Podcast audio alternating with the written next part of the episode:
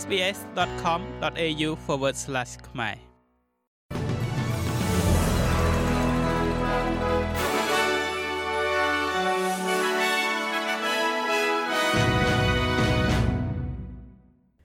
សូមស្វាគមន៍មកកាន់នេតិព័ត៌មានខ្លីៗរបស់ SBS ខ្មែរសម្រាប់ថ្ងៃច័ន្ទទី11ខែធ្នូឆ្នាំ2023 រដ្ឋមន្ត្រីក្រសួងមហាផ្ទៃលោកស្រី Claire O'Neil មានប្រសាសន៍ថាការកាត់បន្ថយការទទួលយកជនអន្តោប្រវេសន៍នឹងក្លាយជាផ្នែកមួយនៃយុទ្ធសាស្ត្រអន្តោប្រវេសន៍ថ្មីរបស់រដ្ឋាភិបាលលោកស្រី O'Neil មានប្រសាសន៍ទៀតថាការទទួលយកនេះនឹងត្រូវបានកាត់បន្ថយសរុបចំនួន185,000នាក់បន្ថែមទៀតក្នុងរយៈពេល4ឆ្នាំនៃកញ្ចប់ថវិកានេះ។ ការធ្វើអន្តោប្រវេសន៍សុទ្ធពីក្រៅប្រទេសបានឡើងដល់កម្រិតកំពូលក្នុងអំឡុងឆ្នាំហិរញ្ញវត្ថុចុងក្រោយខណៈដែលមនុស្ស5សែននាក់បានមកដល់ប្រទេសអូស្ត្រាលីដែលជាការងើបឡើងវិញពីការបិទព្រំដែនរយៈពេល2ឆ្នាំនៃរោគរាតត្បាត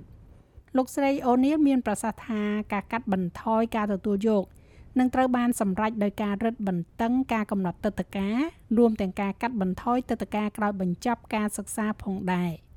ទន្ទឹមនឹងនេះ លេខាធិការនៃសហជីព New South Wales លោក Mark Murray មានប្រសាសន៍ថាលោកស្វាគមន៍ការផ្លាស់ប្ដូរដែលនឹងធ្វើឲ្យវាកាន់តែងាយស្រួលសម្រាប់ពលករអន្តោប្រវេសន៍នៅក្នុងការចាក់ចែងពីនយោជកដែលកេងប្រវ័ញ្ចនិងផ្លូវកាន់តែច្បាស់លាស់ឆ្ពោះទៅកាន់សិទ្ធិរស់នៅជាអចិន្ត្រៃយ៍ប៉ុន្តែលោកនិយាយថាការរឹតបន្តឹងលើម៉ោងធ្វើការរបស់សិស្សនិស្សិតអន្តរជាតិត្រូវតែដកចេញ។ ស្របពេលជាមួយគ្នានេះទឹកតការជំនាញតាមតម្រូវការរយៈពេល4ឆ្នាំថ្មីដែលត្រូវបានប្រកាសឡើងជាផ្នែកមួយនៃយុទ្ធសាស្ត្រអន្តោប្រវេសន៍ថ្មីរបស់រដ្ឋាភិបាលនោះក៏ត្រូវបានស្វាគមន៍ដោយក្រុមអ្នកគិតគូរគោលនយោបាយរបស់គណៈកម្មាធិការសម្រាប់ការអភិវឌ្ឍសេដ្ឋកិច្ចនៃប្រទេសអូស្ត្រាលីផងដែរទឹកតការនេះបង្កើតនៅលំហទឹកតការចំនួន3ជាមួយនឹងផ្លូវទៅកាន់សិទ្ធិរស់នៅជាអចិន្ត្រៃយ៍ពាក្យស្នើសុំទឹកតការអាចត្រូវបានដំណើរការយ៉ាងរហ័ស នៅក្នុងរយៈពេល7ថ្ងៃសម្រាប់ទឹកតការឯកទេសដូចជា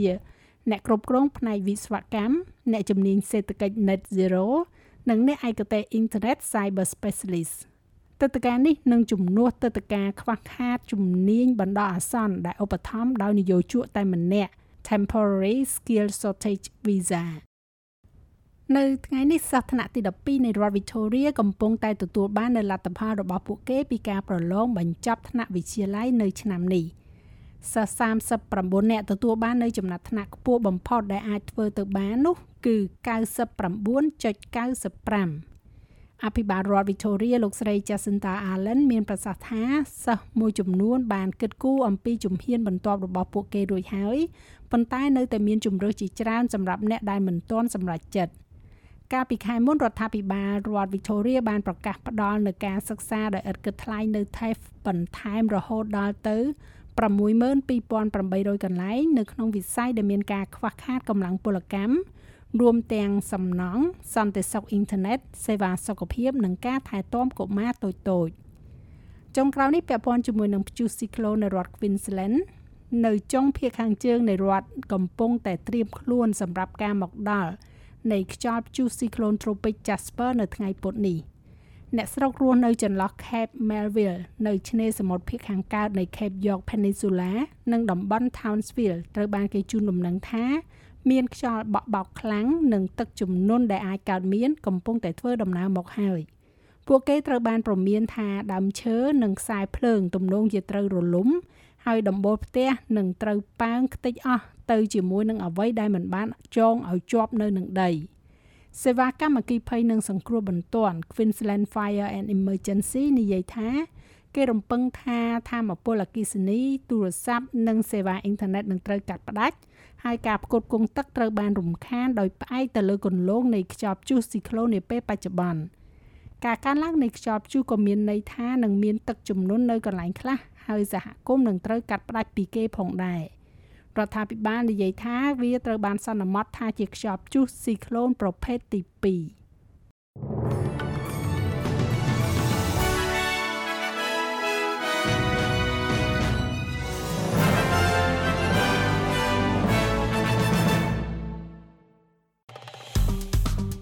ចុច like share comment និង follow SPS ខ្មែរនៅលើ Facebook